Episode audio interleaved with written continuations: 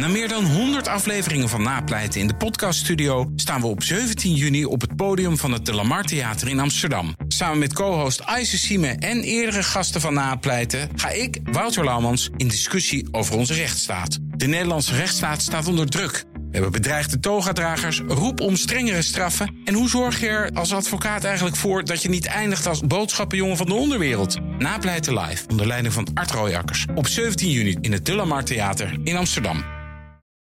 Geert-Jan, eh, je bent maker van de Europa-podcast, maar ook van de Perestroikast. Uh, dus we gaan met jou even kijken naar... Uh, Met hand en broek in het voorprogramma, wat een zo, eer. Zo is dat, hand en broek in het voorprogramma. Ja. het stikt van de toppen waarin Rusland centraal staat. Ja, en ik denk dat ik ook wel uiteindelijk eh, kan toewerken naar um, het punt dat meneer Ten Broeke maakt, namelijk waar Europa, uh, hoe Europa zich zou kunnen gaan manifesteren vandaag en morgen. Want dat is heel interessant. We hebben natuurlijk uh, Oekraïne als hoofdgesprek op de G7, op de Eurotop van vandaag en morgen.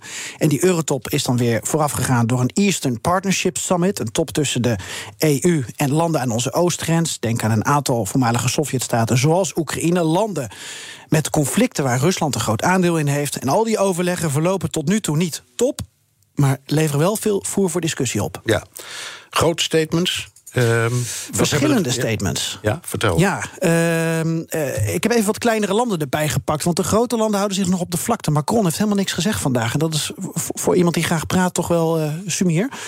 Betel van Luxemburg zegt... Ehm, de EU moet nou zelf eens met Rusland gaan praten. Uh, Betel is een liberaal, hè? Ja, ben ik voor.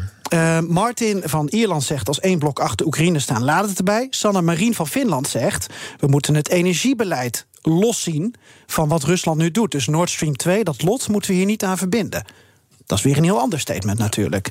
Litouwse collega die zegt de gevaarlijkste situatie in 30 jaar tijd. Dat is typisch Litouws natuurlijk om te zeggen. En Olaf Scholz wil alles eraan doen om Oekraïne te beschermen, maar wil ook deescaleren, dus geen troepenopbouw in Oekraïne zien. Nee. En wat, wat zegt de EU nou als EU? Want dit zijn allemaal EU-leden, maar wat zegt de EU zelf eigenlijk? Nou, we wachten nog op statements uh, uh, vandaag en morgen. Maar gisteravond zijn er ook al wat statements gedaan door uh, Ursula von der Leyen en Charles Michel. En dat was heel interessant, want op die uh, Eastern Partnership Summit, en ik weet dat meneer Ten Broeke dat ook uh, gevolgd heeft, daar heeft Zelensky van Oekraïne toch wel een beetje weer een, een, een, een rol gekregen en zichzelf in een spotlight gezet.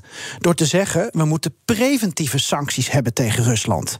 Dus niet op het moment dat Rusland ook maar één stap over die grens zet, moeten we iets gaan doen. Nee, nu moeten we al wat gaan doen. En nu komt Ursula von der Leyen en komen Europese leiders in de positie uh, dat ze moeten gaan kijken van... hey, gaan we de kant van Biden op, dus de-escalatie... of gaan we uh, de kant op van tanden laten zien?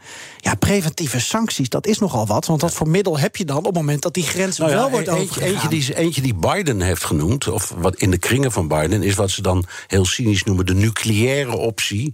Dat is het afsnijden van het geldverkeer. Dus uh, Rusland buitensluiten uit SWIFT, om het maar simpel ja, te houden. Ja, wat meneer Ten Broeke net ook ja. opperde. Ja, um, dat kan, maar het gaat mij erom... Uh, preventief, preventieve sancties afkondigen als Europese Commissie, als president daarvan. Dat is nogal wat. Ook omdat, en dat heb ik jou ook horen zeggen, Bernard, wat Rusland nu doet, is niet aangenaam, is niet netjes. Maar ga jij maar nu tegen Moskou zeggen: jullie mogen langs jullie eigen grens, op jullie eigen grondgebied, niet met die tanks gaan oefenen. Precies, precies. oké. Okay. Preventieve sancties, Han. Uh, wat? Noem eens wat. Behalve dan het afsnijden van het SWIFT-verkeer. Nou, je, je, wat ik net zei, je, wat je nodig hebt is eigenlijk een escalatieladder. En die kennen we niet. We, we, we, we grabbelen nu in, um, in een aantal grabbeltonnen... Uh, die uh, telkens elke keer weer een soort van teleurstellend resultaat opleveren. Um, we hebben het gezien op Wit-Rusland. Uh, er werd hoog ingezet. Een aantal mensen wat uh, reisbeperkingen opgelegd zou krijgen. Um, uh, financiële sancties ten aanzien van personen, ten aanzien van bedrijven. en zo keet langzamerhand opbouwen. SWIFT, een heel economie het moeilijk maken. Ja, grondstoffen, grondstoffen bankaire systeem. Um, ja. visum. Oké, okay, maar noem, noem eens één ding dat helpt. Of dat zou werken. Dat is de sancties helpen als zodanig nooit als nee. ze niet onderdeel zijn van een beleid. Sancties ja. zijn een extreem bot wapen. Ja. Maar je moet dat botte wapen moet je gaan veilen. En dat doet de Europese Unie nog te weinig in mijn ogen. Het, ik, ik sta ervan verbijsterd om. Laat ik het anders zeggen. Je hebt een overheid die het heel goed doet. Dat zijn, is het Amerikaanse ministerie van Financiën. Um, die zijn onvoorstelbaar goed in het opleggen van sancties. Omdat ze, natuurlijk is een federale overheid. Ja. Maar die kunnen alle bedrijven direct meenemen. Mag ik het voorbeeld nog eens een keer aanhalen? Als je. ehm, we hadden de, de Iran-deal. Die werd door Trump verscheurd. Vervolgens wilden en Boeing en Airbus wilden 100 vliegtuigen leveren aan Teheran. Dat was het contract wat ze hadden En gesloten. dat is geblokkeerd.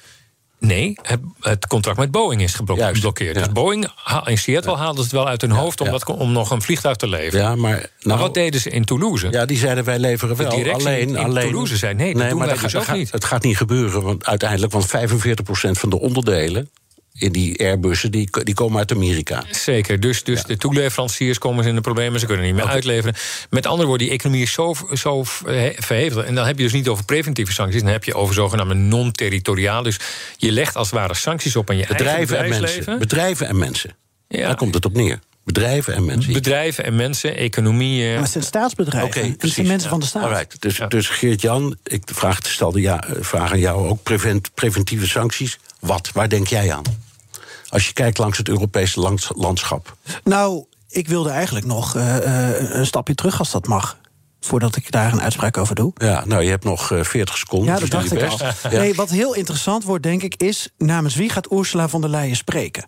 Want jij weet, eh, en meneer Te Broeke weet ook... het sentiment is zo verdeeld in Europa als het gaat om Rusland. Ja. En daarom is Scholz ook interessant. Hier nog even voorpagina Financial Times vandaag. Chechen Grieve, Berlin expels Russia envoys. Het gaat om een moord in Berlijn 2019. De Chechen die is omgelegd. een afrekening. Waar nu een rechter over heeft gezegd, daar is een, eh, dat is Russisch staatsterrorisme. Gaat de relatie Duitsland-Rusland net worden als die van Groot-Brittannië, Rusland en ook Nou, ik Nederland-Rusland? En wat is het gevolg hier- voor de EU? hier niet hetzelfde op reageren als, als eh, rondom Navalny. Ehm, eh, en, en, maar, maar we gaan meer van dit soort zaken meemaken. Iran heeft het ook gedaan op En ons kun je dan nog als Europese Commissie met één mond spreken als elk land ook zulke individuele relaties heeft? Ja, om dan binnen 40 seconden helemaal af te maken. Nee, Nee, nee, ik, doe, ik, doe, ik, doe, ik doe een ordevoorstel. Ik stel voor dat jullie deze discussie nog voortzetten, rustig door een uur. Alleen niet meer tijdens BNR De Wereld. Haan, dankjewel. Hand ten Broeke, eh, directeur politieke zaken... bij het Den Haag Centrum voor dit. Strategische Studies. Ook hartelijk dank voor je komst. Dankjewel, Bernard.